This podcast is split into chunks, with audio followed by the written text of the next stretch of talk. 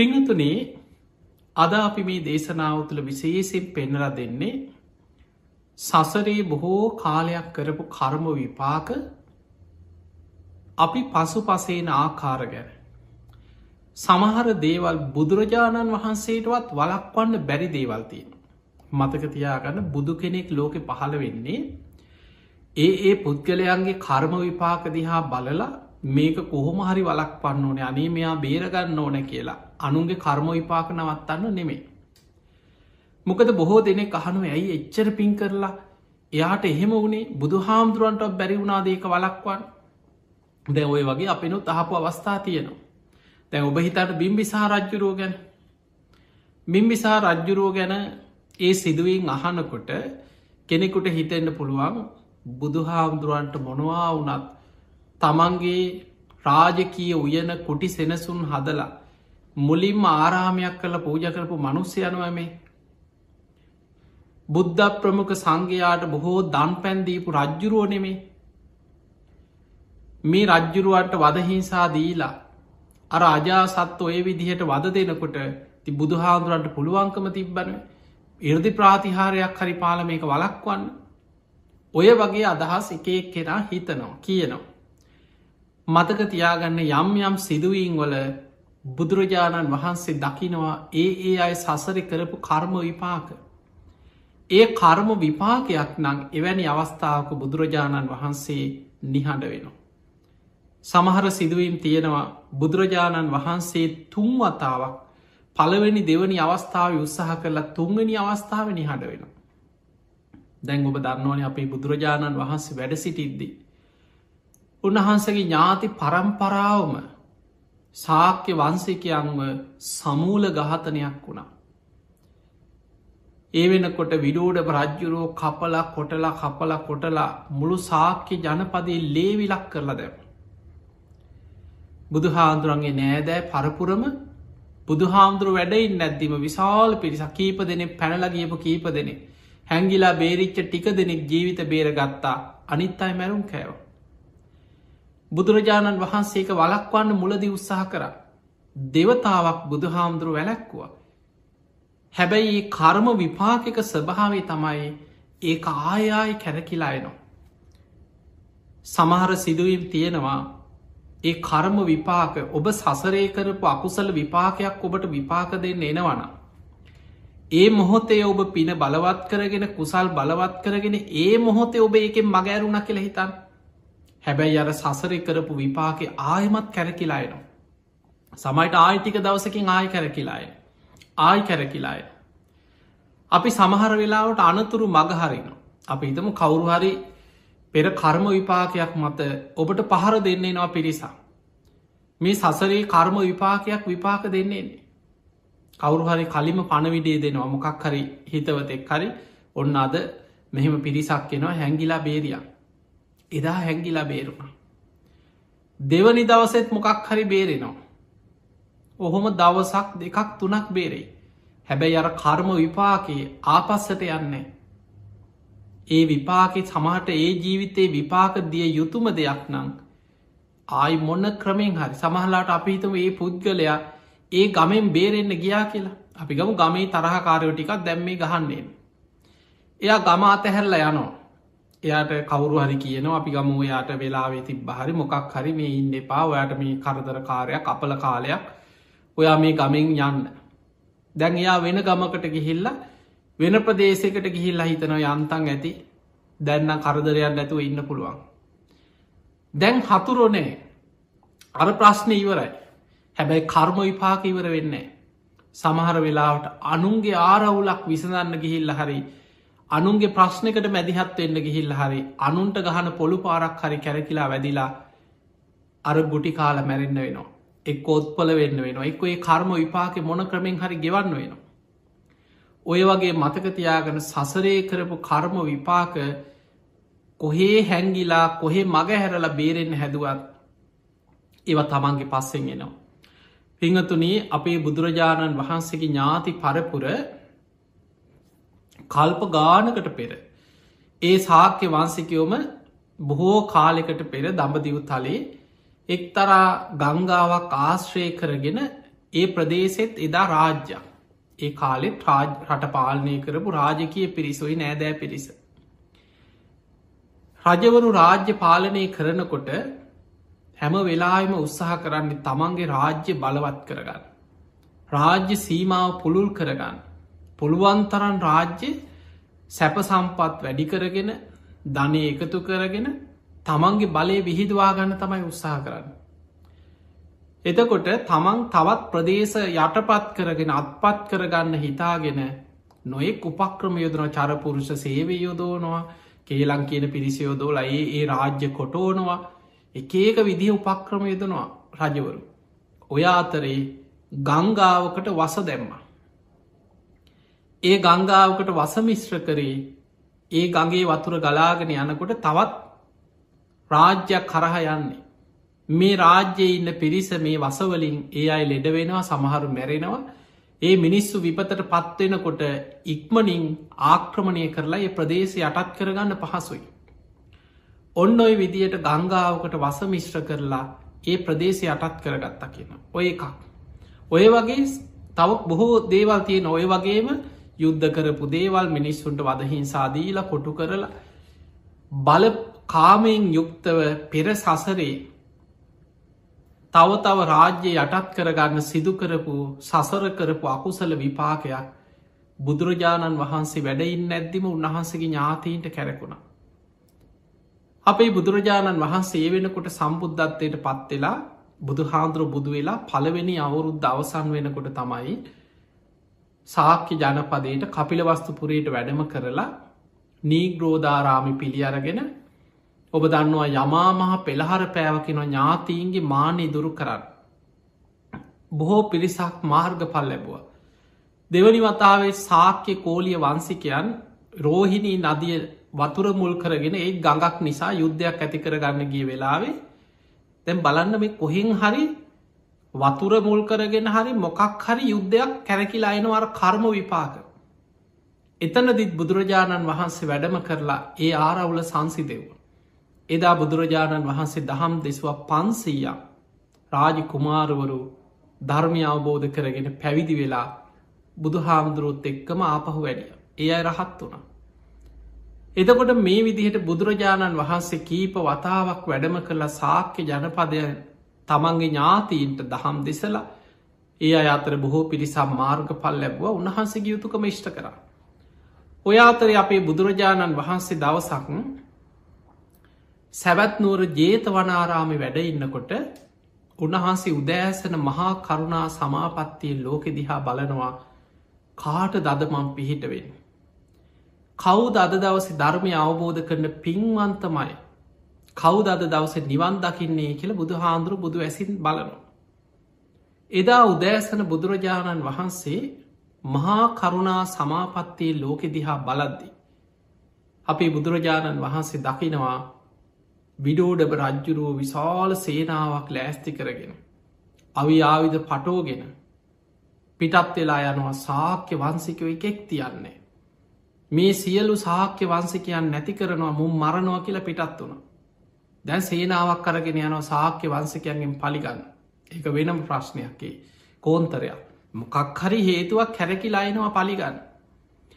එදා බුදුරජාණන් වහන්සේ බුදුවැසින් දැක්කා විඩෝඩබ රජතුමා මේ සාක්‍ය ජනපදයට සේනාවත් එක්ක කඩා පැනලා තමන්ගේ ඥාතිීන්ව සමූල ගහතනය කරන්නයි මේ යන්නේ. බුදුරජාණන් වහන්සේ අහසට පැනනැගල අහසිං වැඩම කරා රජතුමා සේනාවත් එක්ක යන මාර්ගි. එදා ග්‍රීස්ම කාලයක් අවකාස්ටකි. ඒ පාරයිනෙම වේලිච්ච ගහක් තිබුණ කොළ හැලිච්ච ගහක්. අපේ බුදුරජාණන් වහන්සේ ගහයට සමාපත්තියෙන් භාවනායිරියාවෙන් අර පාරයින ගහයට වැඩහිටිය. දැ සාක්‍ය ජනපදේ පේන මානේ ඒ පාරි තියෙන පාරයින තියෙන වේලිච්ච කොළත් හැලිච ගහක්. අර සේනාවත් එක් එනකොට ඉදිරියෙන් ආපු අයි දැක්කම් මෙන්න පාරයින බුදු හාමුදුරුව වැඩඉන්න. ඉක්මනට ඒ අය ආවිධ පිමතියලා අර කොඩි දජ පහලතියලා මැදින් ආපු දෝලාවෙන රජ්ජුරුව එනවා පෙරහැරේ යුද්ධ සේනාවත් එක්ක ඉක්මනින් ගිහින් කිව රජතුමනේ මේ අසල බුදුරජාණන් වහන්සේ වැඩඉන්න අයිතිරී. රජ්ජුරු ඇවිල්ල වන්දනා කර ලැහු අනේ ස්වාමීනී ඇයි මේ ඔබහන්සේ මෙතන මේ වෙලාවේ කොල නැති ගහක්නේ මේ ගහේ කොලත් හැලිලා ග්‍රීස්ම කාලයක් අවකාස්ටක ඔබහන්සේ කොහොමද මෙතන වැඩඉන්නේ ස්වාමීනි ඇයි මේ අන්න එතනදි බුදුරජාණන් වහන්සේ වදාල් රජතුමනේ අර ඈතින් පේන්නේ මගේ උපන් ගම කීව.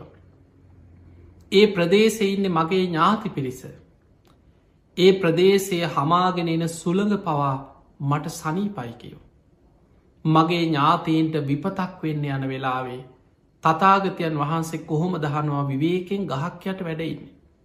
ඔච්චරයි. බුදුරජාණන් වහන්සේ දැනෙන්න තේරෙන්න කාරණා කියනවා. ඔය කරුණු ඇහෙනකොට රජතුමාට හිතුනා විඩුඩ රජ්ජරුවට හිතුනම් මේ නම් සාක්‍ය වන්සිකයන්ව බේරගන්න බුදු හාමුදුර වැඩම කරලා තිය උන්වහන්සගේ ඥාති පිරිසමේ. මං බුදු හාමුදුරන්ට ගෞරව කරනවා. උන්වහන්සේට ගෞරව කරලා මං ආපහු හැරෙනවා කියලා බුදු හාමුදුරන්ට වන්දනා කරලා කියෙන සාමීනී භාකතුන් වහන්ස මන් සේනාවත් එක් ආපහු හැරිලා යනවා කියලා බුදු හාන්දුරන්ට වන්දනා කරලා ඒවිලි බුදුරජාණන් වහන්සේ අර පිරිසටම දවේශයේ වෛරයේ කේන්ති ආදීනව මතු කරමින් දහම් දෙසවා. ඒ බනත් අහලා හිත පහදවාගෙන ආපහු ආව. දැන් ඔන්න බුදුරජාණන් වහන්සේ තමන්ගේ ඥාති පිරිස සාක්‍ය වන්සිකයන්ම බේරගත්ත. පළවෙනි පාරට බේරගත්තා. ඔහොම කාලයක් යනකොට විඩූඩබ රජ්ජුරුව දැන් ආපහු ආවට මොකද? ඔය සාමාන්‍යෙන් හිත දියුණු කරලා අවබෝධ කරගත්තා එන්නෙමේ රජවරුණි රජවරු ළඟ ඔබ දන්නවා. ළඟ ඉන්නවා අවස්සනයි ඉන්නවා රජ්ජුරුවන්ට කියලං කියන අයි ඉන්නවා රජ්ජුරුවන්ව පොළඹෝනයි ඉන්නවා. ඔය අතර සමහර රජ්ජුරුවන්ගේ අමාත්‍යවරු අහනවා රජතුමනී අර සාක්‍ය වන්සිකයෝ මතකද රජ්ජුරුවන්ට කරපු නින්දාව? රජ්ජුරුවන්ට කරපු මදිපුංචිකම් මතක නැද්ද?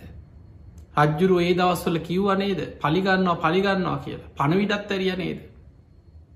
ඇයි රජ්ජුරුව දැන් සද්ධ නැතුව ඉන්නේ? රජතුමනී දැන් අපේ සේනාව බලවත්.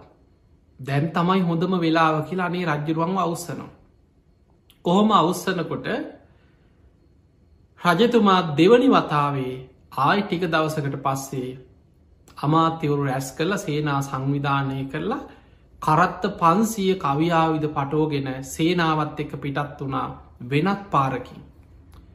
සාක්‍ය ජනපදයට ගිහිල්ල සාක්‍ය වන්සිකයන්ව එකෙක් ඉතුරු කරන්නේ කියලා දැන් ඔන්න පිටත් වුණා. මේක පුංචි කාලේ ඇතිවෙච්ච ප්‍රශ්නයක් තුළ හිතේ කැකෑරි කැකෑරි තිබිච්ච වෛරයක් මේ. මේ දේශනාවෙන් ඔබට ගොඩාක් කරුණු තේරුම් ගන්න පුළුවන් මිනිස්සුන්ගේ විනාසයට හේතුවෙන කාරණ. ඊළඟ දේ තමයි මාන්‍යය නිසා විනාස වෙන හැටි. සාක්‍ය වන්සිකයන්ට උනේ මාන්න අධිකකම කෙනෙක් පහත් කිරීම. ඊළඟ දේ තමයි දවේශය පටික නිමිත්ත හිතෙන් දවේශ සිතුවිල්ලක් නැතිකරගන්න නැතුව නැවත නැවත හිතන්න හිතන්න මේ දවේශ බලවත්වවී යන හැටි. එදා පිටත් වනා. එදා බුදුරජාණන් වහන්සේ දැන් කාලෙකට පස්සේ එදා පිටත් වෙලා යනකොට ඒ වෙනකොට බුදුරජාණන් වහන්සේ සැවැත් නුවර නෑ උන්වහන්සේ චාරිකාය වැඩම කරලා ඒ කාලෙ වැඩහිටියේ ගිජ්ජකෝට පරොත්තේ රජගහනුවර ගිජ්ජකූට පරෝතේ තමයි බුදු හාන්දුර වැඩයි. බුදුරජාණන් වහන්සේ කොහේ වැඩ සිටියත් උන්වහන්සේ උදෑසනින් දොළොස් කෝටි ලක්ෂවාරයක් මහා කරුණා සමාපත්තියට සමවදිනවා. ගන්ධකුටියේ ඉදන් දස දහසක් ලෝක දහතුවට බුදු ඇස විහිදෝල බලනවා කාට දදමම් පිහිට වෙන්නේ. කවු දද දවසේ ධර්මය අවබෝධ කරන පින්වන්තමයි කියලා බුදු ඇසිම් බලනවා. එදා බුදුරජාණන් වහන්සේ දැක්ක විඩූඩව රජ්ජුරෝ කරත්ත පන්සිය කවියාවිද පටෝගෙන විශාල සේනාවක් කරගෙන දැන් වෙනත් පාරකින් රජගහනුවර පැත්තෙන් ගමන පිටත් කරගෙන දැන් සේනාවක් එක්ක යනවා සාක්‍ය වන්සිකයන්ව එකෙක් තියන්නෑ කියලා දැන් රජ්ජුරු කේන්තියෙන් යන්න. තමන්ගේ ඥාතීන්ගෙන් පලිගන්න යන ගමන. කලින් වතාවත් බුදු හාන්දුරුව බේරගත්තා. මේ වතාව බුදුරජාණන් වහන්සේ ඉරදි ප්‍රාතිහාරයක් පෑවා ගල් තලාවක් මතින් යනකොට කරත්ත පන්සීයම ගල් තලාවක එරේවා කියලා බුදු හාන්දුර අධිෂ්ඨානයක් කර. ඔබ දන්නවා මැටි. සාමාන්‍යෙන් එරෙන පොළොවල් වල මැටිවල සාමාන්‍ය ඔය හාන්න එහෙම ගිහිල්ලා ඒ හාන සමාට ටැක්ටර් එරෙනවා. එතොට ගොම් බානවල් දාල් හානකොට සමාට එරෙනවා. එදකොට ඒ වගේ දැන් කරත්ත ක්‍රෝධයක් හිතන්න. කරත්ත රෝධයක් එරුණොත් මඩක එරිලා හිර වෙන. ඒ වගේ මේ මඩේ නෙමෙයි. ගල් තලාවක් මත.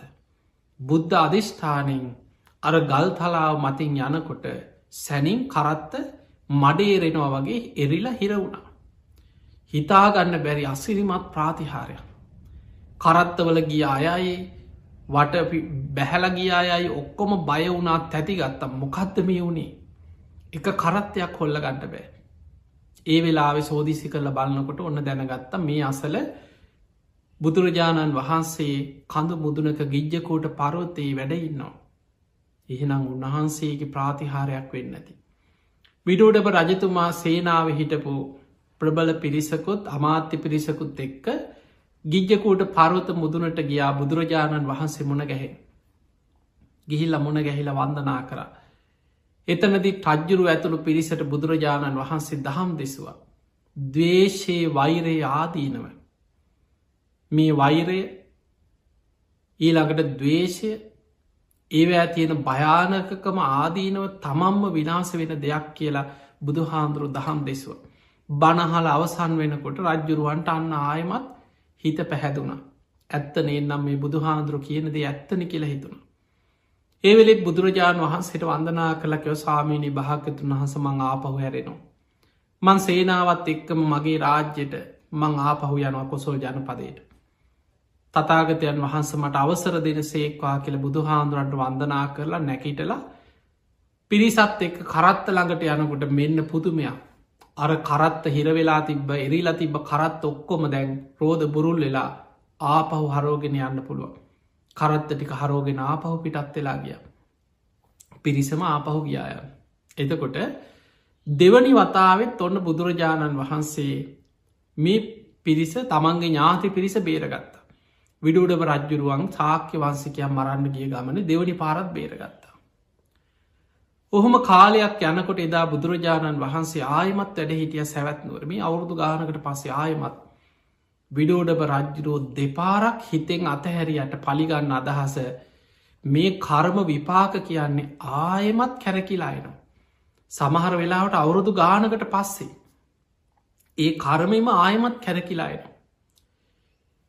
එදත් බුදුරජාණන් වහන්සේ බුදු ඇසින් ලෝකෙ දිහා බලනකොට දැක්ක විඩෝඩ රජ්ජුරුව විශාල සේනාවක් කරගෙන සාක්‍ය ජනපදයට යන්න ආයමත් සූදානන් වෙනවා. බුදුරජාණන් වහන්සේ බුදු ඇසින් බැලුව මගේ ඥාති මං මීට පෙර දෙවතාවක් බේරගත්තා. ඇයි මේ නැවත නැවතත් ඒ අයට කරම විපාකයක්ද මේ සසරි විපාකයක්ද ඔවුන්ට විපාක දෙන්න යන්නේ. බුදුරජාණන් වහන්සේ බුදු ඇසින් දකිනවා සාක්‍ය වන්සිකයන් මීට බෙර බොහෝ කාලෙකට පෙර තමම්ම සසරේ කරපු කර්ම විපාකයක් මේ සාක්‍ය වන්සිකයන්ට විපාකදේ. එතකොට බුදු හාන්දුරන්ගේ ඥාතීන් කියල නෑ සසරේ කරපු කර්ම විපාක කැරකිලායිනෝ. බුදුරජාණන් වහන්සේ තුන්වැනි වතාවෙන් නිහඬ වුණා. විඩෝඩබ රජතුමා විශාල සේනාවක් අරගෙන ගිහිල්ලා සාක්‍ය ජනපදේම වට කරා. පිංහතුන මේ සිදුවීම සඳහන් වෙනවා. විඩෝඩබ රජතුමා එක පාට සාමාන්‍ය ඉස්සර යුද්ධ කරත් රජවරු අතර යම් කිසි ආචාර ධර්ම කියල දෙයක් තියෙන යුද්ධව. රජ්ජුරුවෝ ඉස්සරලාම ගිහිල්ල පණවිඩකරුවන් ඇරිය මං යුද්ධට ඇවිල්ලා ඉන්න මන් සේනාවත් එක් ඇවිල්ලා ඉන්නේ මාත් එක්ක යුද්ධ කරන්න සූදානන් වෙන්න කියලා සාක්‍ය ජනපදයට පණවිඩයක් කැරේ. සාක්‍ය වන්සිකව පණවිඩේ ලැබුණට පස්සේ රාජකය පිරිස සාකච්ඡා කරා මොකද අපි කරන්නේ. බොහෝ පිරිසක් ඉදිරිපත් වුණ අපි ගාව සේනාව ඉන්න අපිට ආයුධ තියෙන අපි මොකටද පරදින්නේ අපි යුද්ධ කරම. වැඩිහිටි සාක්‍ය වන්සිකයෝ ඒක මතිකව කියා හිටියා අපි කවුරුවත් ආයුධයක් අතින් අල්ලන්නේ නෑ. අපි වැැවිල්ල මැරුවත් අපි සියලු දෙනා මැරුවත් අපි අපේ ආත්මාරක්ෂාවටවත් අපි ආයුධයක් අරගෙන යුද්ධ කරන්නේ. ඒකට හේතුව අපි ලෝතුරා බුදුරජාණන් වහන්සේ නමකගේ ලේ ඥාති පිරිසක්. බුදු කෙනෙකුට ඥාති වෙන පිරිසක් අපි. ඒ වෙනකොට සාක්‍ය වන්සිකව අතර බොහෝ වැඩිහිටියයි හිටිය මාර්ග පල්ලාබියයි. ඔවුන් දැඩිසේ ඒක මතික තීරණයකටාවා අපි ආයුධයක් අරගෙන යුද්ධ කරොත්. අපි ආත්මාරක්ෂාවට හරි අපි ආයුධ අතට ගත්තොත් ඒක බුදුරජාණන් වහන්සේට අගෞරවයක්. අපි මේකට මෝන දෙමු. ඒ අතර වැඩිහිටි සාක්‍ය වන්සිකයෝ කීපදනෙ තමන් ළඟ තිබිච්ච වටිනාම දේවල්. ආරක්ෂා කරගන්න ඕන නිසා අනාගත ලෝකයේ වෙනුවෙන්. සාක්‍ය වන්සිකයෝ කීප දෙනෙකුට ඒ වදීල පිටත් කලා. ඒ අතර කීප දෙනෙකුට දුන්න බෝසතාණන් වහන්සේගේ රාජාභරණ. ඔබ මේ වරගෙන කොහේ හරි ඇතකට පැනලයන්. අනාගතය මේවා තැම්පත් කළ චෛත්‍යයේදි කරවන්න. බෝසතාණන් වහන්සේ වසර විසි නමයක් රාජ කුමාරයෙක් හැටියට භාවිතා කරපු මගුල් කඩුව. තව රාජ කුමාරයකුට දීලා ඔහු තව පැත්තකින් පිටත් කර. ඔය වගේ අපේ බෝසතාණන් වහන්සේ සතු වටිනා දේවල් සාක්‍ය වන්සිකයන්ට අයිති වටිනා වටිනා දේවල්ටික එහෙමේ කීප දෙනෙකුට දීලෑරිය. සාක්‍ය වන්සිකයෝ යුද්ධ කරේ නෑ සාක්‍ය ජනපදයට වෙලා ඕන දෙයක් වෙච්චදෙන් අපි ධර්මය සිහි කරගම්. බුදු හාමුදුරුව අපිට ධර්මය කියලා දුන්න. අපි ධර්මය හිත පිහිටෝමු කියලා ධර්මය මෙනෙහි කරගත්තා. ආයුධයක්කත් අතේ නැති නිරායුධ සාක්‍ය ජනපදය ඇතුළට විඩෝඩව රජ්ජුරුව විශාල සේනාවක් එක කඩා පැන්න. ඒ පැනලා සාක්‍ය වන්සිකව එක එක්කෙන අල්ලගෙන හන උඹ සාක්කෙද්ද නැද්ද කියලා හනවා. බොරු කියන්නෙත් නෑ ඇයි සෝවාන් බොහෝ පිරිසක් මාර්ග පල්ලාබියයි පන්සිල් රකින අය ආර්ය කාන්ත සීල පිහිට පයි. ඔවුන් හිස නම ලකින අපි තෘණ සාකය ගැන අපි එහෙම කියලා තියෙන ඔවුන්ගේ පක්ෂ පාතිත්තේ අහිංසකකම කියන්නකෙන අපි තෘණ ශාක්‍යය කියන. හිස ගසා මරනවා.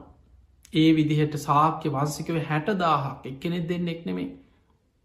සාක්‍ය ජනපදේ හැට දාහක් සාක්‍ය වන්සිකය විඩෝඩ රජ්ජුරෝ කපලක් කොටල මුළු සාක්‍ය ජනපදයම ලේවිලක් වුණා කිය. ඒ අය සසරේ කරපු කර්ම විපාකයක් ඔවුන්ට විපාකතු නේ විදිහට. හැබැයි ඒ කර්ම දැන් එතන කර්ම විපාකකට වේවා විඩෝඩබ රජ්ජුරෝ කරගත්තෙත් අකුසලයක්.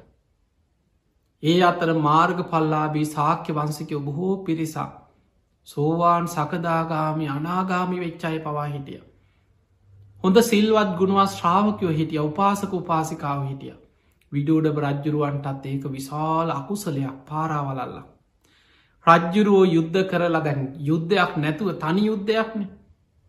කිසිම ආයුධයක් අතට අරගෙන යුද්ධ කරන්න ආවේ නැති නිරායුධ සාක්‍ය ජනපදයම කපල කොටල මැරුයි. දැන් අර ආයුදත් පටෝගෙන සේනාවත් එක්ක මුළු ඇගේ හැම්ම තැනවල්ලේ පිරිසත් එක් ආවා අපි යම් දැන් ජයගෝසා කර කර ආපහුවෙනවා.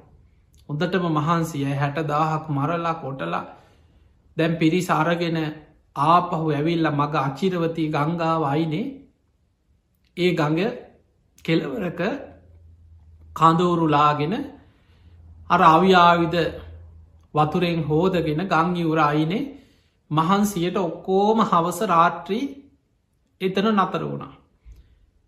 මේ ගංගාවේ ගං යූරේ ගං වැල්ලේ පිරිස නිදාගෙන එදා රාත්‍රී කාලෙ ගත කරා. මහාරාත්‍රී විශාල වරසාාවක් වැහැල ඈත ප්‍රදේශකට. හිතපු නැති විදිහි විශාල ජල කඳක් සුනාමියක් එනවා වගේ අර වතුර දිගේ ආව විශාල වතුර පාර. මේ කර්ම විපාක කැරකෙන හැටි. විඩෝඩව රජතුමා ඇතුළු අර ගිය සේනාවම ගගේ ගහගෙන ගිහිල්ලා ඔවුන්ට ආපහු රාජ්‍යයට එන්න ලැබුන්නේ. සාක්‍ය වන්සිකයන් මරපුයේ කර්ම විපාකේ ඔවුන්ට දිට්ට දම්ම වේදනය වසයෙන් ආපහු එද්දිම විපාක දුන්න. ඔවුන්ට ආපහු රාජ්‍යයට එන්න ලැබුන්නේ.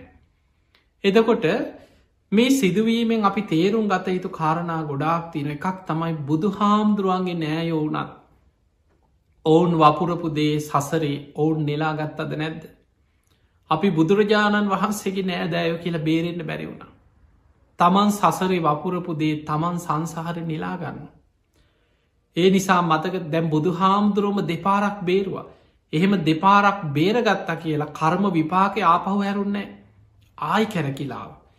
මේක චක්‍රයක් වගේ කැරකි කැර කියනවා ආපහු. සමහර කර්ම විපාක මේ ජීවිතේම ඒ කාන්තය විපාක දෙන දිට්ට දම්ම වේදනය විපාක. සමහර කර්ම තියෙනවා ඊළඟ ජීවිතය විපාක දෙනු. එක මේ ජීවිතය නෙමෙයි ඊළඟ ජීවිත ඒ කාන්තෙන් විපාක දෙන. සමහර කර්ම තියෙනවා මේක කැරකි කැරකි කැරකි කැරකි හැම ආත්මකම විපාක දිදී විපාක දිදී විපාක දිදී පිරිනිවන් පානකන් සසර විපාක දෙන කර්ම තියෙන. ඒවට කියන අපරා පරිවේදනය කර්ම විපාක.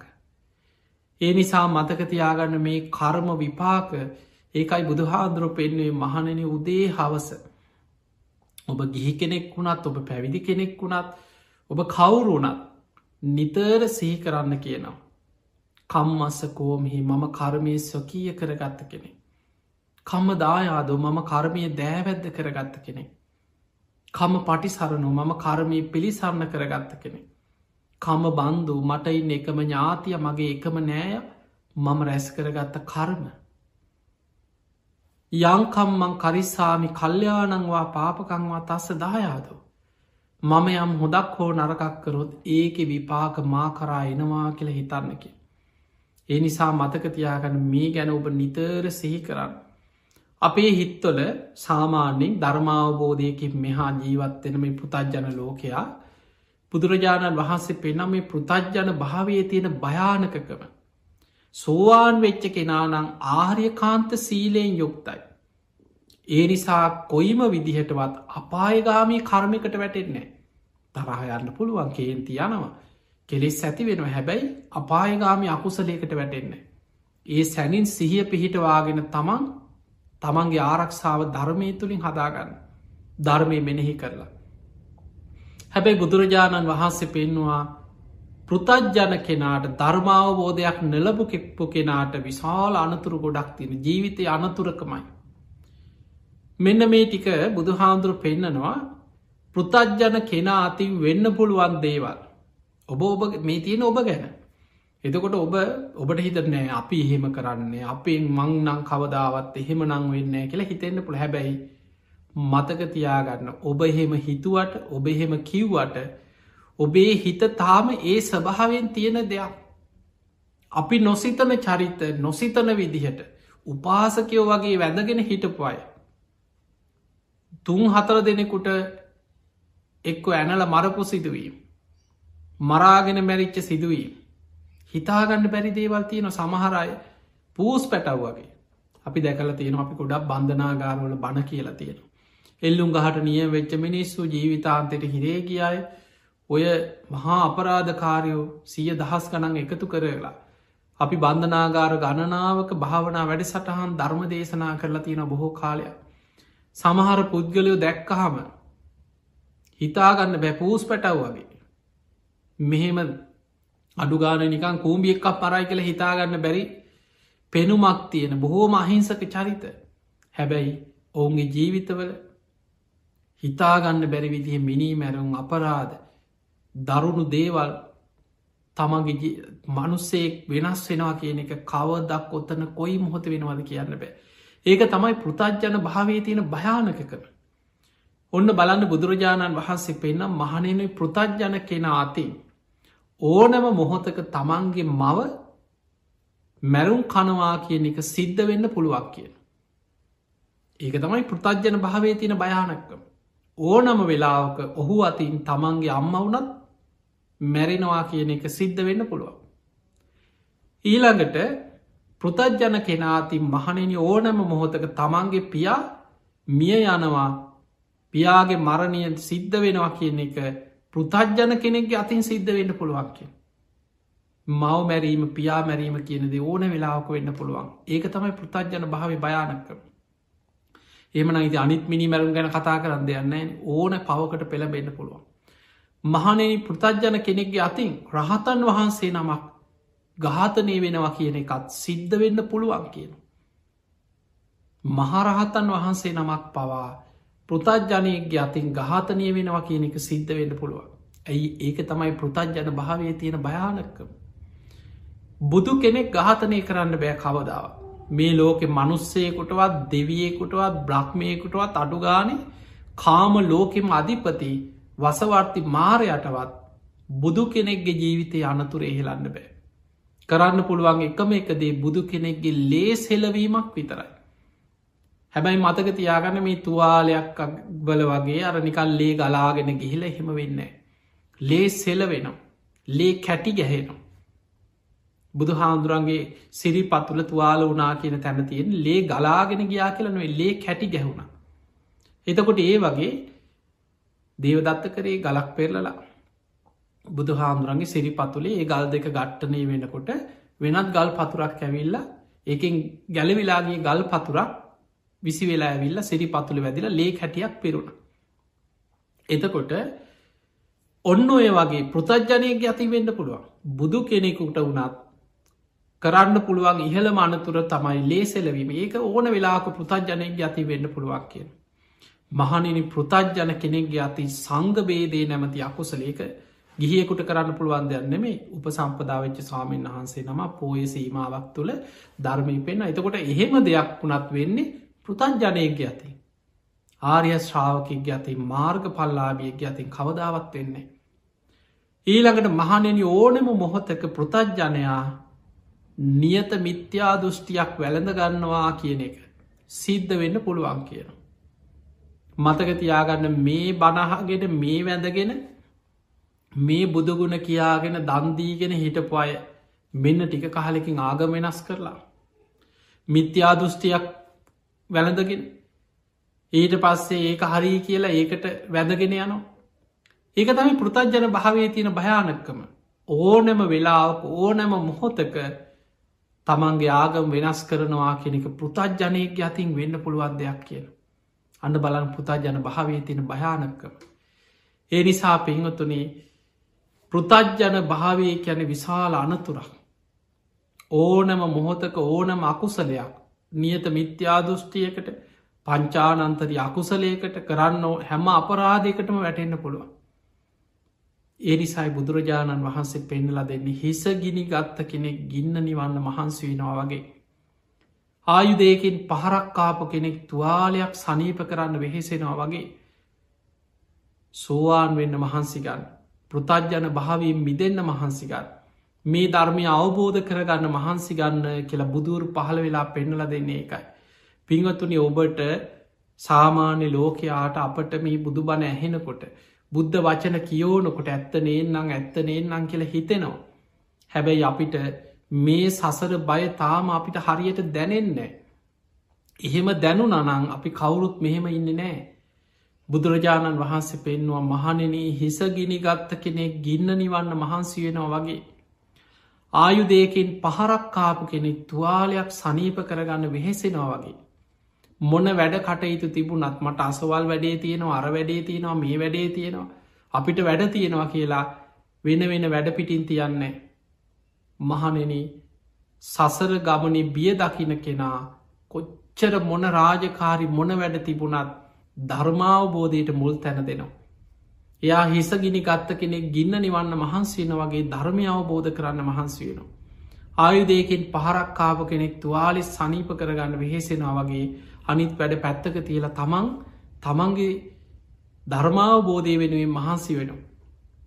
අන්නේ නිසා පෙන්වතුනී ජීවිතේ හැම දැන් ඔබට නෑ දෑයෝ දරුවෝ ගෙවල්ලොලායි අප හිතම අපිට පවුලි දහ දෙනේ අපේ පවුලෙ දහ දෙනෙක් කියන්නේ කවදාහෝ මළගෙවල් දහයක්කේ.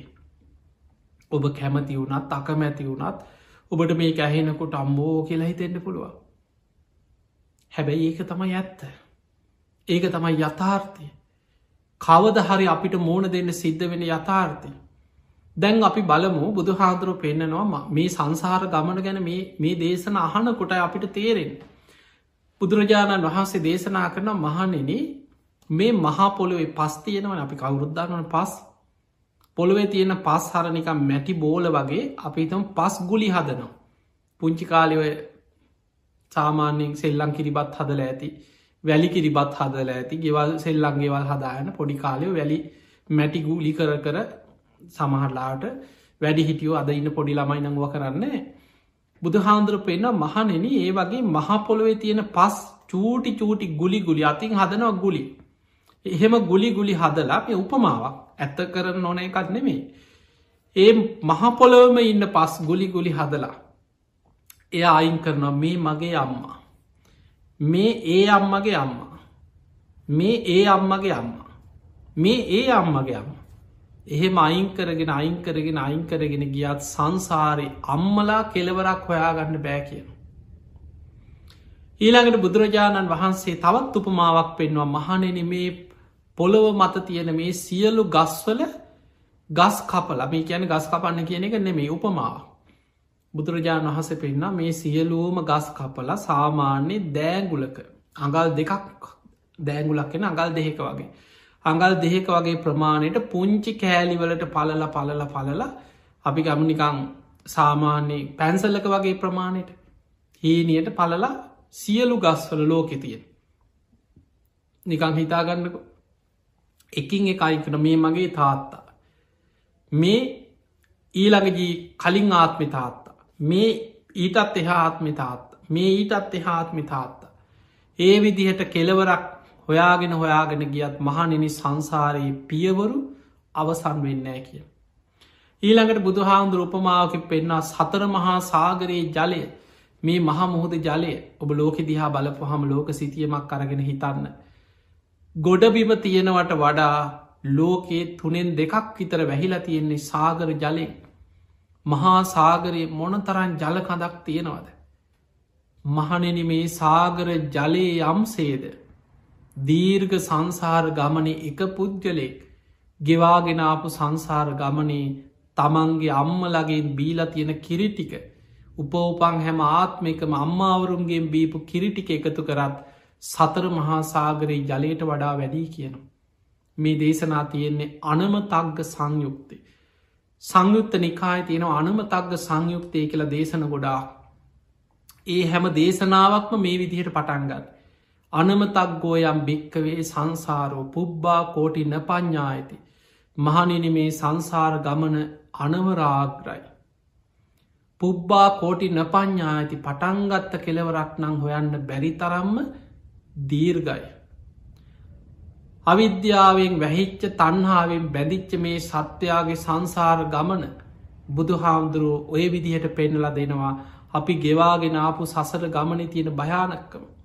ඊළඟට බුදු හාමුදුරුවයි දේශනාවල පෙන්න්නා මහනෙන නුබත් මේ හැම දෙනාමත් මේ දීර්ග සංසාර ගමන අපි කර කරාවේ මහපොලෝ පෝෂණය කර කරාපු ගමන.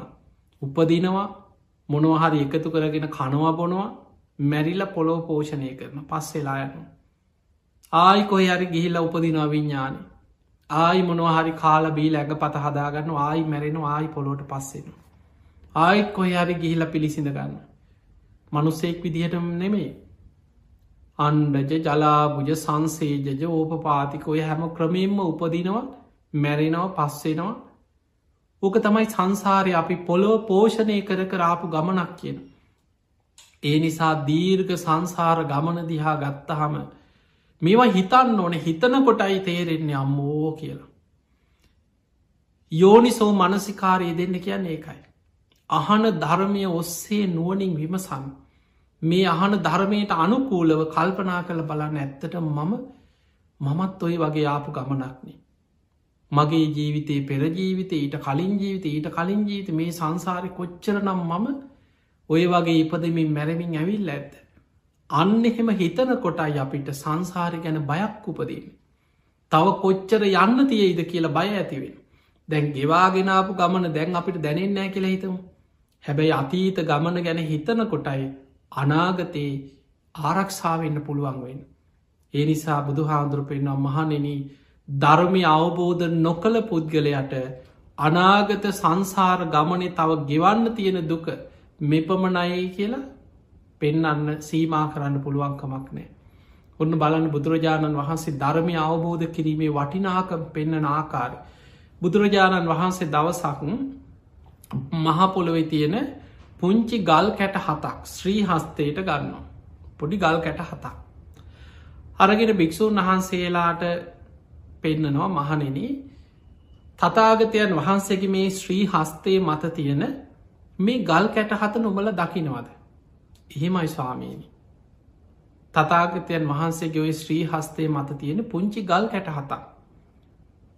මහනිනි නුබලාට මේ ගල් කැට හතත් මේ මහපොළොවෙ තියෙන වැලි කැට ගල් කැට අතරත් වෙනස තේරෙනවාද. ස්වාමීනී භාගතුන් වහන්ස මේ ශ්‍රී හස්තේ මත තියෙන ඉතාම පුංචි ගල් කැට හතක් විතරයි. නමුත් මහාපොළොවේ ගල් කැට වැලි කැට ගත්තොත් සිය ගණනින් දහස් ගණනින් ලක්ෂ ගණනින් ඉලක්කමින් බින්දුගානින් කියන්න බැරි තරම් විශාලයි. බුදුරජාණන් වහන්සේ වදාලා මහනෙනේ ගෙවාගෙනාපු දීර්ග සංසාර ගමනේ විදපු දුක්ටික මේ පොළොවෙ තියෙන ගල් කැට වැලි කැට පස්්ටික වගේ කියල හිතන්න කිව ගෙවාගෙනාපු ගමන විදපු දුක් මහනිනි සෝවාන් පලට පත්වෙච්ච ශ්‍රාවකි ඉදිරියේ විඳින්න තියෙන දුක මෙන්න මේ ගල් කැට හත වගේ පුංචි දුකක් කිව යාට ඉතුරු වෙලා තිය.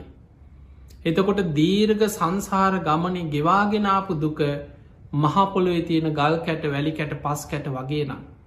සෝවාන් පලට පත්වෙච්ච කෙනෙක් සක්කායිදිටි විචිකිච්චා සීලබ්බත පරාමාස ත්‍රිවිධ සංයෝජන ප්‍රහාණය කළ සෝවාන් වෙච්ච කෙනෙකුට ඉදිරියේ විදින්න ඉතුරු වෙලා යම් දුකක් තියෙනවනං ඒ දුක මේ ගල් කැට හත වගේ හිතන්න කියව.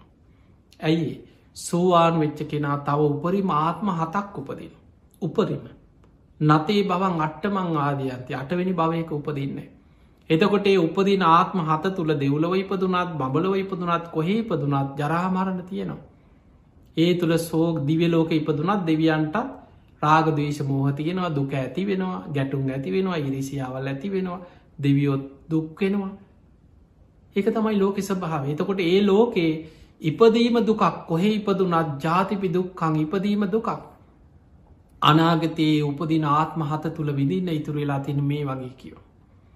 එතකොට හිතන්න ඒ බුදු හාමුදුර ඒ උපමාව පෙන්වේ කාටද සෝවාන් කෙනාට සෝවාන් පලට පත්වෙච්ච කෙනෙකුට. දැම් පෘතජ්ජනය ගැන හිතන්න ඔය උපමාව සෝවාන් නොවෙච්ච කෙනෙකුට පෘතජ්ජන කෙනෙකුට දීර්ග සසරයේ ගෙවාගෙනාපු දුක පොළොවෙ තියෙන වැලි කැට ගල් කැට පස් කැට වගේ නං අනාගතයේ ධර්මය අවබෝධ නොකළපු පුද්ගලයකුට තව අනාගතය විදින්න තියෙන ටිකත් මේ මහපොළවෙ තියෙන ගල් කැට වැලි කැට පස් කැට වගේම දුකක් සසරි අනාගතයත් තියෙනවා. ගෙවලත් තියෙනවා අනාගතයටත් ඒ වගේම තියෙනවා. අන්නේ නිසයි බුදුරජාණන් වහන්සේ පෙන්වේ අප්‍රමාදීවෙන්. හිස ගිනි ගත්ත කෙනෙක් ගින්න නිවන්න මහන්සේනවා වගේ. ආයුදයකින් පහරක්කාපු කෙනෙක් තුවාලයක් සනීප කරගන්න වෙහෙසෙනවා වගේ. ධර්මය අවබෝධ කරගන්න මහන්සිගන්න කියලා බුදුරු පහළ වෙලා අපිට පෙන්නල දෙන්නේ නිසයි. අන්නේ නිසා බුදු කෙනෙක් පහළ වෙලා පෙන්නල දෙන්නේ අපිට මේ කාල ඇඳලා විනෝද වෙලා ජීවත් වෙලා ඔය මැරිලා යන ක්‍රමේ කියල දෙන්න විතරක් නෙමේ. එතකොට මේ බෞද්ධ බුදු දහම තුළ බුදු හාන්දුරන්ගේ ධර්මය තුළ සතුටින් ඉන්න හැටි ගෙහි ජීවිත තුළ සතුටින් ජීවත්වෙන හැටි යුතුකං ගැන දෙමවපියන්ට සලකන හැටි බිරිඳ ස්වාමිය එක්ක ස්වාමිය බිරිඳ එක්ක යුතුකං ඉෂ්ට කරන හැටි දරුවන්ගේ යුතුකං සේවක යුතුකා සමාජයට මෙලව පරලව යහපත පිණිස ජීවත්වන ජීවන රටාවක් තියෙනවා. ධර්මානුකුල ජීවන රටාවක් පෙන්න ලතියෙනවා. හැබැයි බුදු දහමේ හරය බුදු දහම ඉලක්කෙ තමයි සත්‍යයා සංසාර දුකින් එතර කරවීම. මේ භයානක සංසාර ගමනෙන් නිදහස් වෙලා අඩ්ඩුම ගානි සෝවාන්වත් එන්න මහන්සි ගන්න. මේ සතරාපායි මිදන්න මහන්සි ගන්න පුතත්ජන භාවයෙන් මිදන්න මහන්සිගන්න. ඔබ යම් දවසක මේ ධර්මය අවබෝධ කරගෙන සෝවාන් පලට පත්වනා කියලා කියන්නේ අපේ බුදුරජාණන් වහන්සේ උපමාවක් දුන්නා. යුද්ධ දාහක් දිනනවට වඩා අධිරාජ්‍යෙක් හැටියට යුද්ධ දාහක් දිනල ලෝකෙම රාජ්‍ය පාලනය අතට ගන්නුවට වඩා.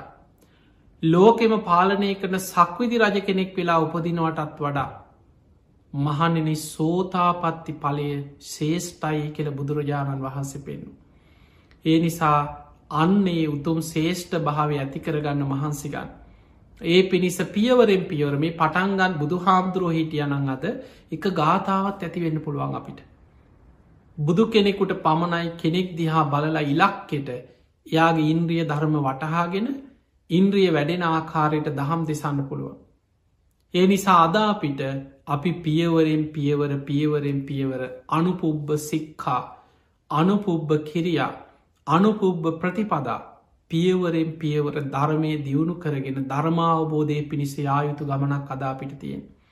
ඒ පිණිස උත්සාහ කරන්න වීරිය වඩා ති ඔබ හැම දෙනාටමත් ඔබේ ජීවිතය පියවරෙන් පියවර දවසින් දවස ධර්මාවබෝධය කරාම ගමන් කරන ධර්මාවබෝධයට උත්සාහ කරන උතුම් ජීවිතයක් බවට පත් කරගන්න මේ ධර්මාණු ශාසනාව ඔබ හැම දෙනාට මාශිර්වාදයක් වේවා පාරමිතාවක්ම වේවා වේවා කියලපි ආශිර්වාද කරනවා.